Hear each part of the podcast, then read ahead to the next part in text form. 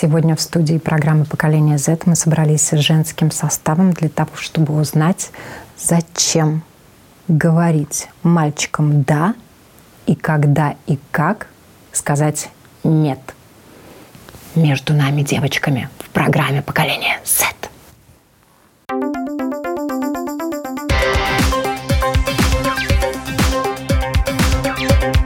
Поколение Z. Здравствуйте, с вами Марина Талапина, режиссер программы Даниэль Йоффе. И спасибо, что подписываетесь на нас, что смотрите нас, что ставите нам лайки. Я напомню, сейчас это можно делать практически на всех платформах, включая Spotify, Google и Apple. Там э, мы публикуем наши подкасты, ну и, конечно, на сайте YouTube, на нашем сайте lr4.lv, ну а найти нас можно также в Фейсбуке и Инстаграме. Спасибо вам еще раз. Пишите нам, предлагайте свои темы, мы обязательно их осветим. А сегодня мы собрались в женской компании. Э, с ребятами мы уже говорили о взгляде мужском на отношения. Сегодня мы поговорим э, с девочками. Тема нашей программы «Между нами девочками говоря. И я рада представить с нами София Пейсахович. Здравствуйте. Арина Наливайко. Добрый день. И психолог Наталья Афанасьева. Наталья, добрый день. Здравствуйте. Тема отношений будоражит умы и сознание, и эмоционально э, уже многие тысячелетия всех э, людей и, естественно, людей разных возрастов. Вот интересно узнать, э, какие вопросы вы задаете и сами себе, может быть, своим родителям на тему взаимоотношений. София, ты общалась с родителями на эти темы, и, может быть, они тебя к чему-то готовят, что-то тебе уже говорят, советуют? папа однажды сказал, что он не знает, что мне советовать, если вдруг я буду что-то спрашивать. А, так как у меня пока не было никаких вообще отношений или чего-то такого, мама каждый раз лишь волнуется и спрашивает, почему, почему их нет. Но в целом пока что каких-то серьезных разговоров на эту тему не было. А с девчонками, с подругами? С подругами, конечно. Арина? Я скажу так, что у нас были серьезные темы вместе с мамой, ибо у меня есть молодой человек, ну так можно сказать, в принципе. Я с ней советуюсь как с подругой, ну так вот можно сказать. Ну это здорово, это говорит о том, что у тебя доверительные отношения с мамой, да? Очень. Да, это здорово. А вообще в вашем окружении много девчонок уже встречаются с парнями? Не скажи. У меня в окружении не так много девушек, поэтому я не могу сказать точно, но, по крайней мере, не видела. София, у тебя? Uh, у меня просто большой разброс по возрасту среди друзей и подруг. Uh, те девочки, которые моего возраста, практически у всех есть uh, парень. А те, кто постарше, кому 20-21, те практически никто не встречается. Это очень странная статистика, но вот так оно и есть. Они уже не встречаются или еще не встречались? Еще не встречаются, не знаю почему. А ты упомянула о том, что вы, конечно же, с подругами тоже говорите о чем. А вот ну, какие вопросы девчонок волнуют э, в отношениях ребят? Что они рассказывают? Ну, конечно, всего чаще э, те девочки, которые больше встречаются, у них чаще всего вопрос, почему каждый раз вот такие мне попадаются козлы, какие-то э, неудачи каждый раз. Я, конечно же, не стремлюсь им это все объяснять, это психология, но, в общем-то, да, вот такой вопрос, наверное, чаще всего.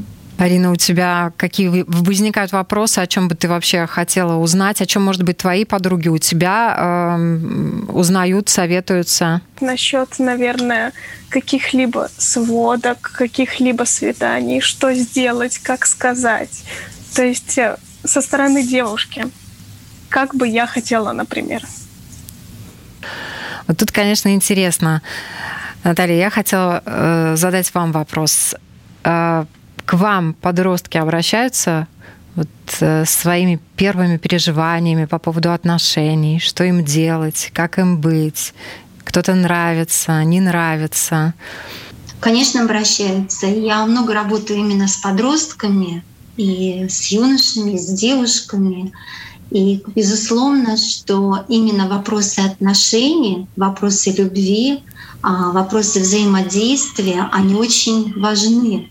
Так как что важно для подростка? Для подростка важны именно сверстники, общение со сверстниками.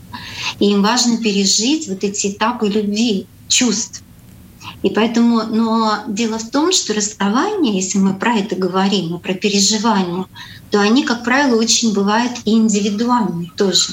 Потому что здесь важно глубоко понимать. И я задаю вопросы, а по какой причине ты расстаешься с парнем? А по какой причине а, не идут какие-то отношения? А что ты чувствуешь при этом?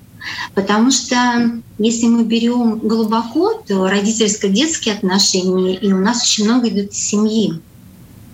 И вот эти вот вещи, но есть, конечно, знаете, какие-то такие а, моменты общие для всех, назовем так. Если мы глубоко сейчас, конечно, в передаче мы не можем каждого рассмотреть и глубоко проанализировать, но есть определенные вещи, которые важны всем. А, вы уточните вопрос. Мы говорим о расставаниях или на какую тему? Мы говорим об отношениях. Как они начинаются, э, как они развиваются и как они, конечно же, может быть, заканчиваются, да? Потому что, ну, ни для кого не секрет, что э, люди расстаются, да, и в течение жизни они могут расставаться со своими партнерами несколько раз и могут с одними и теми же партнерами потом сходиться и расходиться, mm-hmm. да, и каждый раз это будет эмоционально и задевать, но первое отношение это всегда очень эмоционально, это всегда очень глубоко, и для некоторых это очень болезненно. Так болезненно, как никогда уже потом, наверное, в жизни не будет. Вот. И поэтому, конечно, вообще, как говорят, первая любовь должна быть несчастливой, иначе человек не научится ценить все то, э, что случится с ним позже. Но вот это утверждение, всегда ли действительно первая любовь должна быть несчастливой? Девочки, что вы по этому поводу думаете? София. Я думаю, что не обязательно, что по-разному в жизни бывает, и все люди разные, а, поэтому ну, конечно, редко так бывает, что прям с первого раза счастье на всю жизнь, даже практически никогда не бывает, но если так получилось, я не думаю, что так не должно быть. Арин. По поводу этого я считаю, что, конечно, у любви нет возраста, но как таковых в большинстве случаев, конечно, они прерываются в подростковом возрасте, если говорить о первой любви. Ну вот, вот так вот происходит, да? Первая любовь, первая хочу, первая нельзя, и первая трагедия тоже. Все это в подростковом возрасте многие переживают. И это надо пережить? Я думаю, что надо. Ну, это, это гормоны которые все время бурлят в подростках, которых нету столь много, как у взрослого человека. София. А, ну, конечно, любое испытание в жизни, и такое тоже это, это полезно для того, чтобы учиться на ошибках и во взрослом возрасте больше не повторять. Но не обязательно надо это пережить, просто в большинстве случаев люди это переживают. Но если человек этого не пережил, наверное, он лишается какого-то одного опыта, но набирается другого. Наталья, а вы что думаете? Знаете, к счастью, психология — это наука. Поэтому в наше время, время информации, и ко мне часто приходят именно сами подростки, они просят родителей на тему психолога.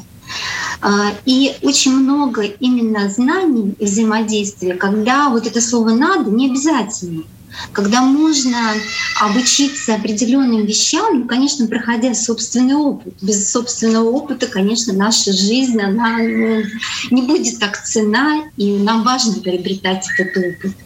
Поэтому есть некоторые, ну я бы назвала такие, знаете, некоторые постулаты, алгоритмы, ну какие-то такие нюансы, которые можно учитывать, начиная отношения, строя отношения, развивая, общаясь, и также при расставании. Например? Потому что расставание да. Они могут быть, э, можно пройти их, но не, без негатива такого. Хотя кажется слово расставание. Но можно пройти приобретя собственный опыт, потому что если расставание прошло негативно, то этот негатив, эти эмоции мы можем перенести в новые отношения. И вот это уже идет, э, не всегда потом строится новая любовь и отношения. Вообще, девчонки, как сегодня за девочками ухаживают мальчики? Мы в этом ну, отношении росли на разных сказках и небылицах и ждали белого коня э, с принцем, конечно, принца на белом коне. Вот. Э, как у вас? Я бы сказала, что, э, может быть, это какая-то моя личная особенность, скорее всего, именно так, но за мной никогда никто не бегал, мне даже ни разу не признавались в любви. Но а, это все еще впереди. Я смотрю просто на своих подруг, и как бы там все происходит, и иногда я думаю, господи, слава богу. Иногда немного грустно по этому поводу, как когда, но в целом э, просто, может быть, я такой человек, так что... Ну как это происходит у твоих подруг, и чего бы тебе хотелось?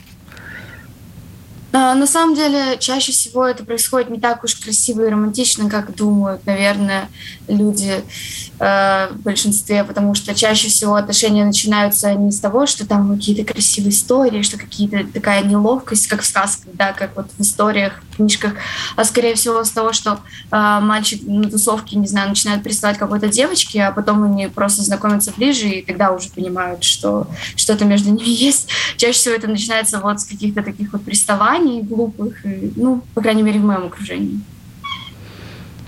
Арин, как у тебя ведут парни, знакомые? Знаете, ну вот сейчас, сейчас э, пошла два вида знакомств. Это через интернет и в жизни. Получается, через интернет большинство мальчиков, они ведут себя максимально максимально неприемлемо, что совсем не понравится адекватной девушке, пишут какие-то пошлости и тому подобное. Это совсем неприятно. Если же говорить о жизни, то могут пару раз подарить цветочки, а могут и молчать спокойно о том, что ты нравишься ему, предположим. Да, то есть, э, а как узнают девчонки, что ты нравишься, он молчит? Кто-то другой ну, рассказывает, бы... третий? Ну, во-первых, идут слухи сначала, а затем уже, возможно, на 14 февраля какой-нибудь знак внимания получишь. Ага, значит, все-таки проявится. Ждет, ждет, ждет того самого момента повода для того, чтобы проявиться. Да, конечно, идет накопление такое.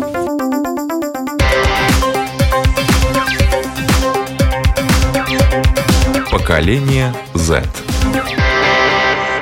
Я рада представить с нами также Анна Денисова.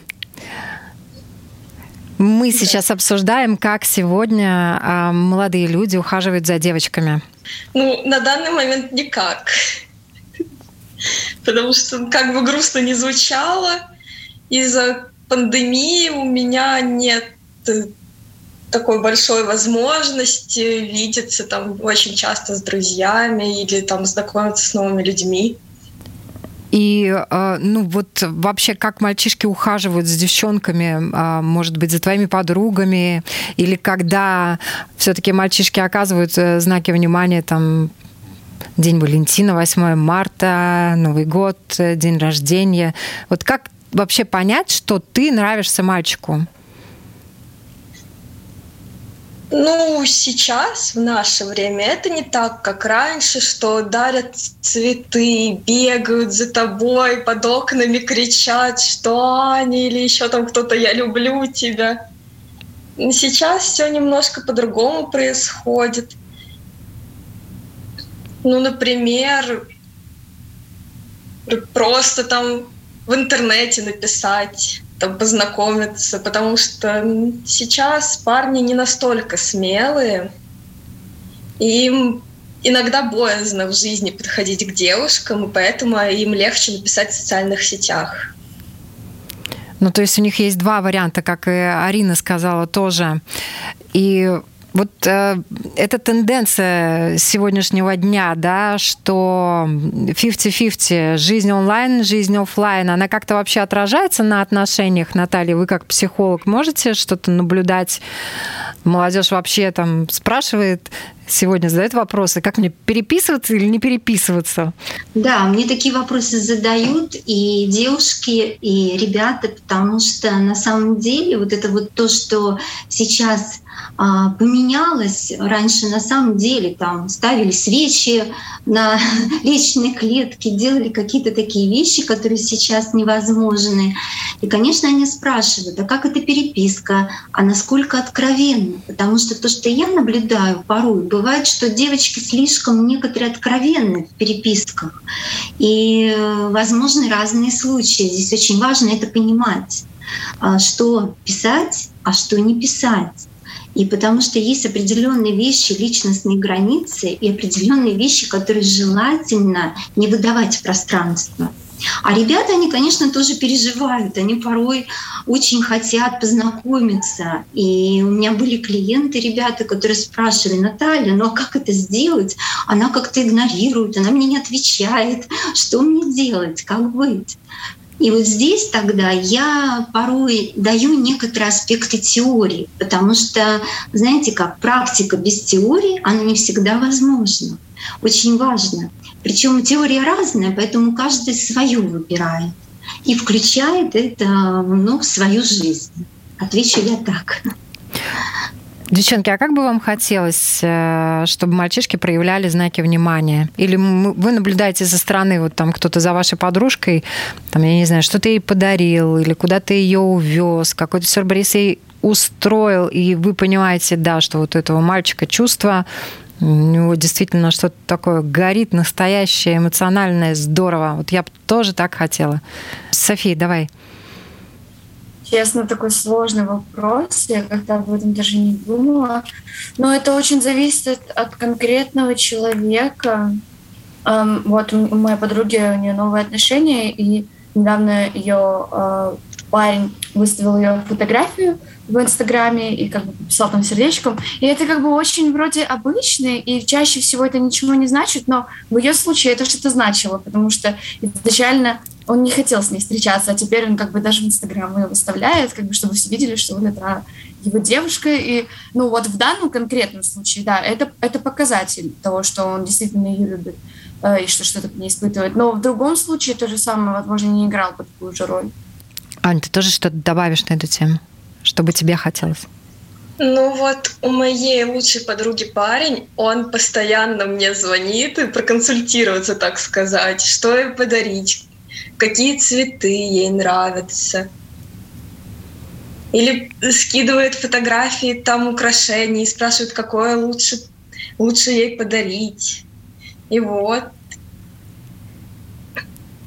Также у меня одноклассник, у него недавно появились, появилась новая девушка, и он постоянно с ней фотографии выставляет с подписями «люблю» или «самое лучшее». Вот что такое. И это так мило. Вот, ну, я сама по себе такой человек, мне все нравится такое миленькое, когда там зайчик мой, солнышко мое и все тому подобное. Арина, тебе удалось услышать вопрос? У меня нет конкретного желания иметь какие-то романтические отношения. Мне нужны стабильные отношения, чтобы меня правда любили меня ценили, чтобы меня поддерживали.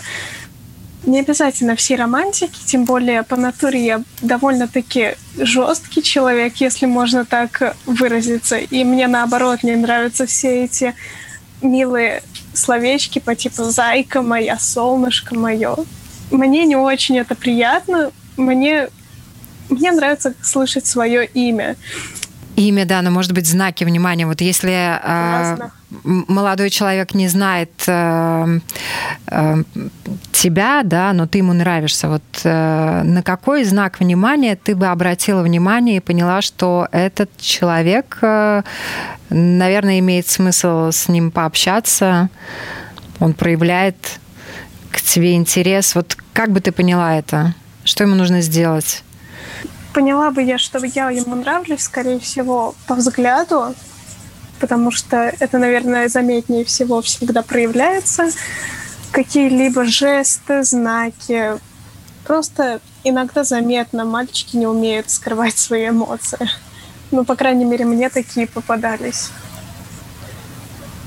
Как можно проявить? Ну, можно что-то подарить, конечно. Можно Валентинку написать, можно какое-то послание написать. Можно признаться. Мне, в принципе, не... Мне не важен этот подарок, который подарят. Мне важно чувства, которые ко мне испытывают. Ну, наверное, какие-то испытываешь тоже, потому что если испытывают э, чувства, а э, со стороны девушки оно безответно, то девушке как-то надо дать понять, или все-таки просто включить его в армию поклонников этого молодого человека? Вот на ваш взгляд, у девочки должна быть такая свита из поклонников, или надо быть честной, если мальчик не нравится, надо ему об этом сказать? София безусловно, оставлять много людей в френд-зоне очень... Э, это говорит о каком-то... Потому что человек, ну, как бы психически нездоров, я не знаю. То есть для меня это очень большой красный флаг, когда у девочек много вот э, поклонников, и она не может им сказать нет, потому что она стесняется или ей просто нравится, что вот за ней бегают, но, по-моему, это очень нехорошо, и это какой-то дефицит внимания у человека. Это совершенно неправильно, на мой взгляд. Аня, ты что думаешь по этому поводу? Когда много поклонников, это, конечно, тебе приятно, но иногда это бывает очень сильно навязчиво. Не знаю, из этих все, из этой всей толпы еще надо выбрать кого-то, кто тебе действительно интересен и с кем можно построить какое-то будущее, какие-то отношения. Арин, твой взгляд на армию поклонников? Ну, может быть, не армию, но когда вот э, достаточно много молодых э, людей тебе оказывают знаки внимания, проявляют интерес. Ну, я понимаю. Френдзонить — это не самая лучшая вещь, как говорят на данный момент подростки. Френдзонить, то есть обезнадеживать парня или же девушку, это можно наблюдать с обеих сторон. То есть это очень подло. Это просто человек убивает время, который пытается оказать тебе внимание. Ты его просто безнадеживаешь. Но эта тема Поэтому актуальная сегодня. Таких молодых людей ча- часто вы встречаете? Есть такие? Много таких? Но у меня немного. Но есть. Увы. Но есть. Наталья, я хочу спросить вас, даже немножко, наверное, не как психолога, а как вот женщину. Вообще у женщины должны быть поклонники? Не, ну поклонники, да. И отношения могут быть разные. Потому что могут быть дружеские отношения, могут быть поклонники. А то, что есть поклонники, они же могут быть где-то. Вы знаете, даже вот придя в спортзал, мы можем увидеть какой-то взгляд, или где-то, это уже тоже есть определенные отношения в чем-то. Но знаете, вот слушая сейчас девушек, а, я подумала о том, насколько у нас разные желания, насколько мы по-разному показ... хотим, чтобы к нам относились. И вот очень важно в этом плане, знаете, как показывать а, своему партнеру, ну там парню, вербальными и невербальными способами, что мы хотим. Вот девушки говорили, кто-то хочет, чтобы ее зайкой называли, а кто-то только по имени. И вот когда вы меня спрашивали в начале отношений, как выстраивать, вот здесь и есть вот это вот показать, что мы любим и как нам нравится. Ну да, не играть, а быть э, самим собой. Да. Тут это Говорить очень важно. и открыто, понимаете, но при этом, при этом э, щадя другого человека и говоря о своих собственных чувствах и о собственных желаниях. И тогда нас слышат, и также ребята услышат, э, что мы хотим. Может быть, одна девушка не любит срезанные цветы, они для нее ну, какие-то неживые, а другая просто мечтает, чтобы ей подарили букет цветов. Девчонки, на ваш взгляд, вообще в ваших э, кругах, среди ваших сверстников, в каком возрасте могут начинаться более близкие отношения? Ну, у меня в окружении, опять же, говорю, те, кому 16 17 лет, те вот уже прям ведут полностью отношения, те, те мои друзья, кому 20, там 21. А, из них, правда, большинство представителей это люди из ЛГБТ-сообщества. Тем не менее, они особо не встречаются и не встречались до этого. Я не знаю, что это за странная статистика, действительно, но, видимо, это какие-то различия, может быть, ну, наверное, это не статистика, да? это именно ну, из твоего окружения так сложилось, потому что да. там экстраполировать на всю популяцию мы не будем, да? То есть... Конечно, конечно. А, плюс, конечно, э, ребята из моей школы, где я раньше училась, они гораздо раньше начали встречаться, чем те, чем те ребята, которых я встретила в каких-то более культурных кругах, там, искусства и так далее. Ну, я считаю, что можно там начинать более серьезные отношения, когда именно ты будешь готов, когда ты поймешь, что ну можно уже не просто там за ручку ходить, а целоваться. Потому что у меня первые отношения были в 14 лет.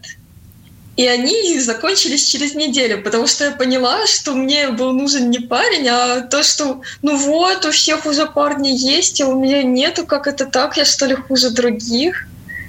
Так что это надо самому серьезно к этому подойти и, и осознать, когда ты сам будешь готов, а не сравнивать себя там с подружками, с одноклассницами или просто с другими девочками. Ну, бесспорно. Но в среднем так, вот по вашим наблюдениям, Арин, когда начинаются вот такие более серьезные отношения? Я считаю, что средний показатель возраста это где-то 14-15 лет, но при этом нельзя сказать точно то, что все начнут встречаться или целоваться в 14-15 лет. Кто-то позже, кто-то раньше. Но главное, чтобы человек, то есть подросток, он воспринимал эти отношения серьезно, потому что несерьезные отношения — это как э, тузик с грелкой. Он не нужен совершенно. Вот такое мнение интересное. Мы уже поговорили на эту тему с молодыми ребятами, да. И э, я хочу узнать ваше мнение. Вот в законодательствах большинства государств мира брачный возраст выше возраста э, сексуального согласия, преимущественно 16 лет, как, например, в нашей стране, да. И также есть государства, которые даже близко относятся к нам, находятся рядом с Латвией, да, где возраст сексуального согласия 14 лет. И чтобы вы понимали, уважаемые радиослушатели и зрители, которые нас смотрят, что возраст сексуального согласия – это возраст, начиная с которого человек считается способным дать э, согласие информированное на секс с другим лицом. И в большинстве случаев взрослый несет правовую ответственность, если он вступает в половую связь с лицом, не достигшим данного возраста. Вот мне хочется узнать здесь ваше мнение, когда отношения уже э, длятся какое-то время, да, когда мальчик и девочка целуются, вот когда, э, на ваш взгляд, ну, действительно у них могут э, продолжаться отношения, и кто несет за это ответственность? София, давай. Я считаю, что тут нет такого, что кто-то из партнеров один несет за это ответственность, за это несет ответственность оба в абсолютно равном счете. То есть оба человека должны дать свое согласие, и оно должно быть понятным и четким. А, ну и, в общем-то, все. А если девочка дала согласие, а потом передумала, что-то ее испугало, она поняла, что она не готова? Тогда, если ее партнер адекватный человек, а, он поймет и ну, в принципе, здесь нет проблемы, если вдруг человеку не нравится, неприятно, испугался, это просто как бы стоп и все. Хорошо, запомнили. Ань, давай ты. И потом я вам задам еще один вопрос. Ну, к этому вопросу надо подходить очень серьезно, надо все досконально изучить. Вот в нашей стране очень не хватает сексуального воспитания, потому что надо знать, для чего нужны презервативы, откуда вообще дети берутся. Также понимать опасность ЗППП, что это бывает не только ВИЧ или сифилис, что их очень большое количество. И если, вот если девушка вдруг перед сначала согласилась, а потом передумала, то я считаю, что партнер должен полностью считаться с ее чувствами, с ее мнением. И если она сказала нет, то это значит нет. Арин, твое мнение, твой взгляд? Я могу согласиться с остальными девочками спокойно, потому что если девочка передумала, то значит это нет. Это четкое, это, это четкое желание, которое должен воспринимать нормально ее партнер. Наталья, вот тут трудно не согласиться. Девчонки говорят очень правильные вещи, да, но возникает вопрос, да, как э, сказать мальчишке нет, когда, э, например, согласие уже было дано, да. И тут я думаю, что для девчонок тоже это стресс, и, может быть, не каждая сможет э, сразу дать отпор, понять, что с ней происходит. Вот э, давайте, наверное, послушаем девочек, а потом я хотела бы, чтобы вы ответили на этот вопрос. Э, как сказать нет парню, если сначала было сказано да? София. Если ты уже как бы вступаешь в отношения, то нужно обговорить с человеком ну, все немножко заранее, вот. А если так получилось, что мы не обсудили, ну, значит, надо вступать в отношения с человеком адекватным, которому будет сказать нет, это для него не будет проблемой, это не будет для него оскорблением или то, что что ты вот э, пять раз уже свое мнение поменяла, хватит. Вот, это ненормально. То есть в отношениях нужно с человеком, с которым тебе комфортно э, сказать нет, и он не будет за это осуждать. В общем-то, это очень все просто. Арин. Я считаю, что если человек, если твой партнер не согласится с твоим мнением, начнет возникать по поводу этого, то его срочно нужно уже сразу бросать.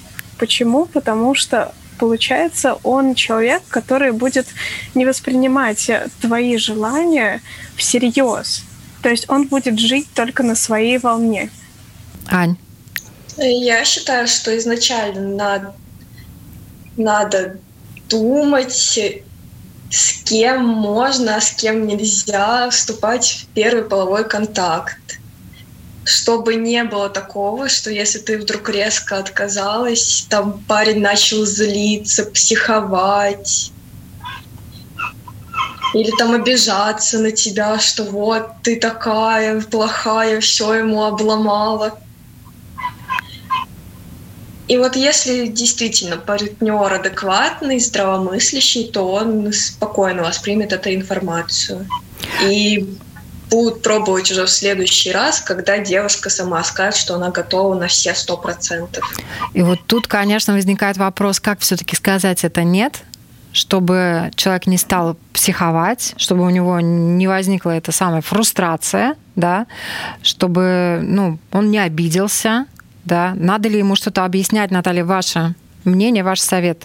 Девочки говорят очень разумно, и, э, безусловно, вы знаете, о партнере желательно заботиться, потому что он же уже настроен, у него есть свои ожидания этих отношений.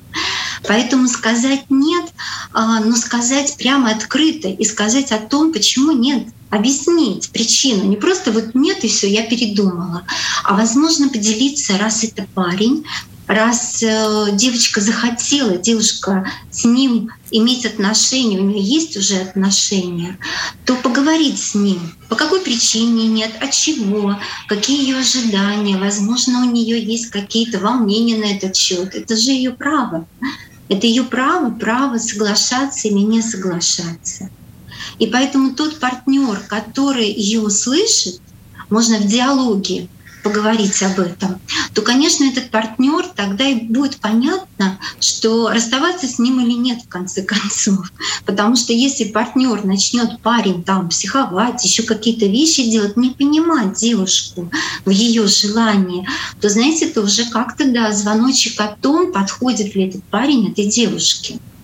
Потому что здесь у нас у каждого, у каждого есть право, как мы делаем и как мы хотим. Но подумать о другом человеке и сказать о своих чувствах, сказать о том, а, о причине, но и сказать обязательно, что девушка ожидает от парня в его поведении, ее желание, как ему себя вести. Я бы ответила вот таким образом. Но тут действительно очень многое зависит от того, нравятся ли ребята друг другу до такой степени, что они дорожат друг другом, да, mm. и им важно сохранить отношения, просто в этот момент они не готовы развивать их вот в ту сторону, да, либо если, ну, ты почувствовал, что нет, и именно с этим партнером тоже быть честным и сказать, что да, извини, пожалуйста, ну, надо подождать передышку взять и так далее. И э, есть еще такая вот одна тема. Если мальчик нравится, но не проявляет к вам внимания, вот э, следует ли оказывать какие-то знаки внимания ему? Все-таки все-таки дев, девочки и мальчики на одном праве, и они могут друг другу делать, безусловно, жесты, которые относятся к их любви, к чувствам, какой-нибудь какой-нибудь влюбленности. Почему нет, собственно? Э, ведь люди не читают мысли друг друга.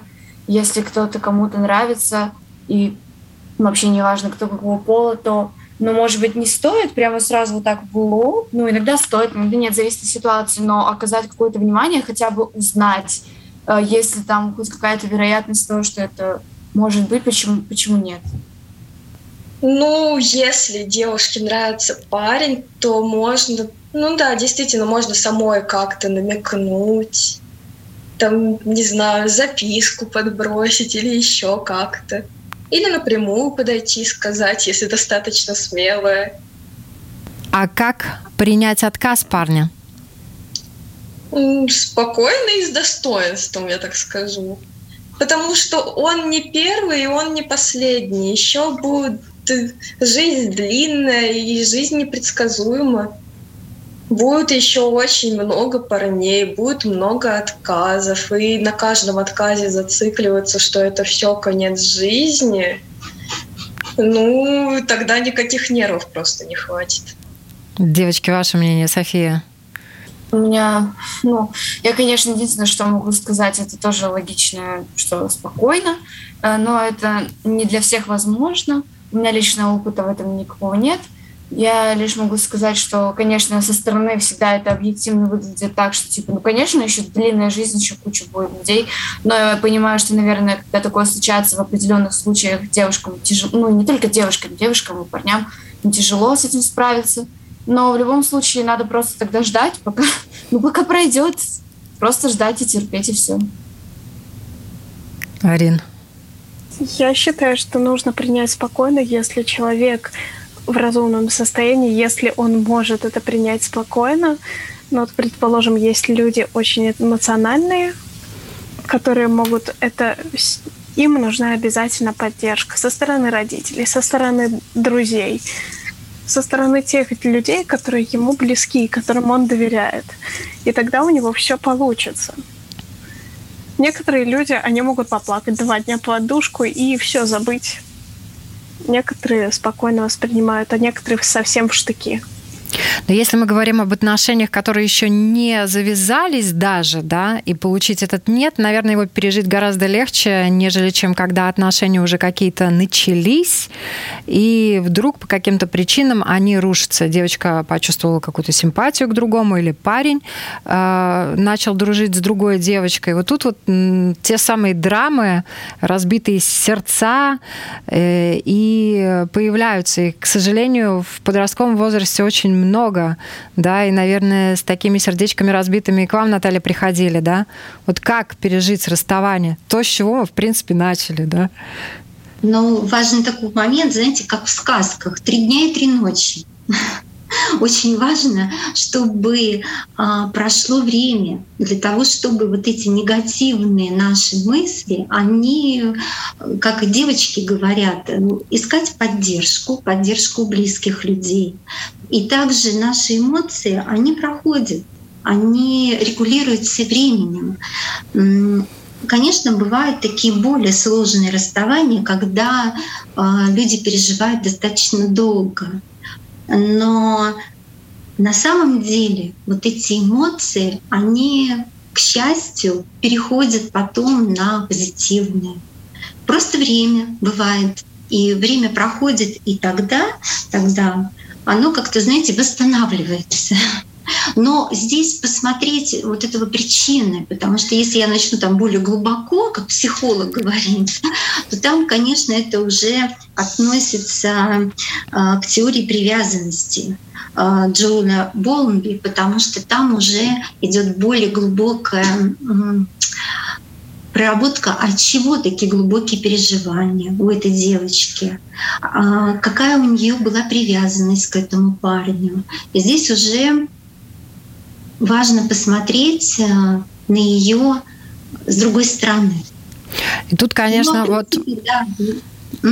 важный момент. Девчонки, вообще, как вы mm смотрите вот э, на тех девочек, и что вы о них думаете, когда вот девчонка бегает за парнем?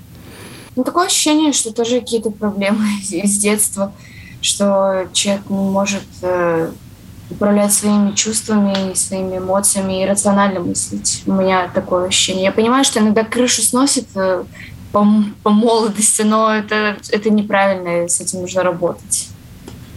Арина, а может быть, все-таки можно как вот эту девчонку оправдать, которая пытается добиться расположения парня, с которым, может быть, у них были какие-то отношения?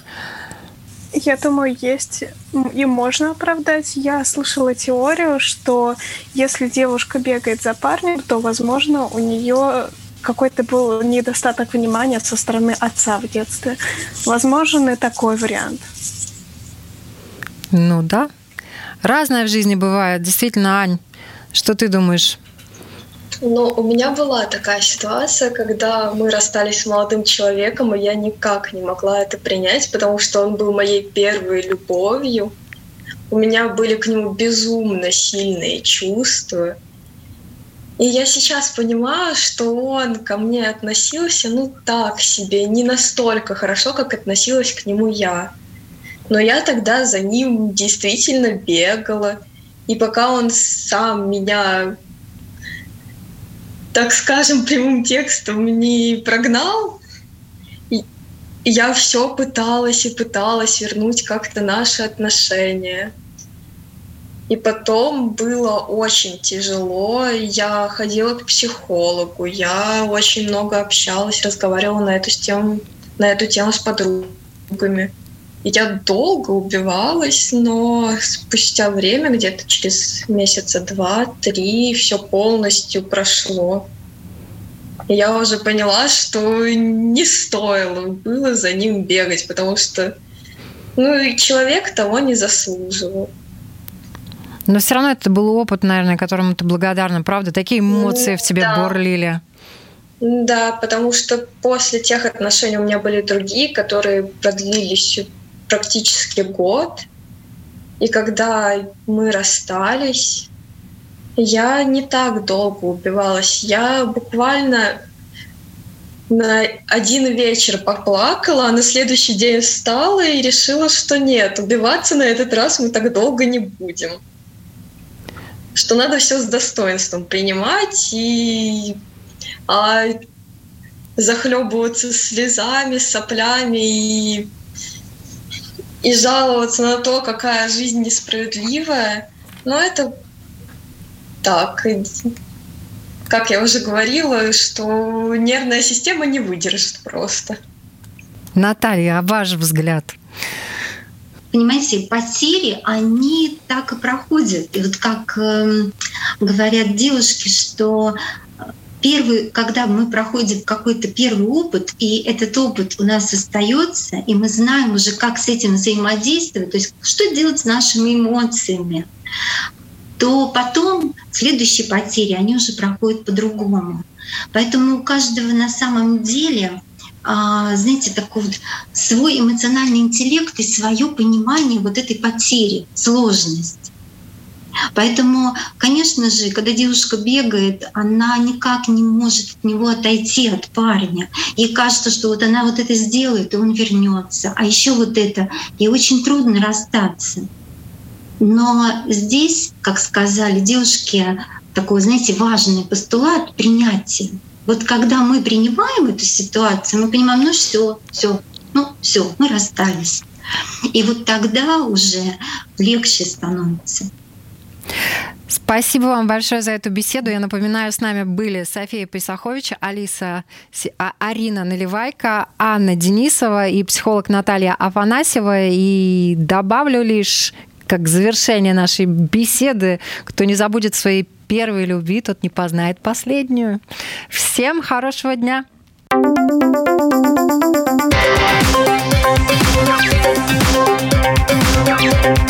Поколение Z.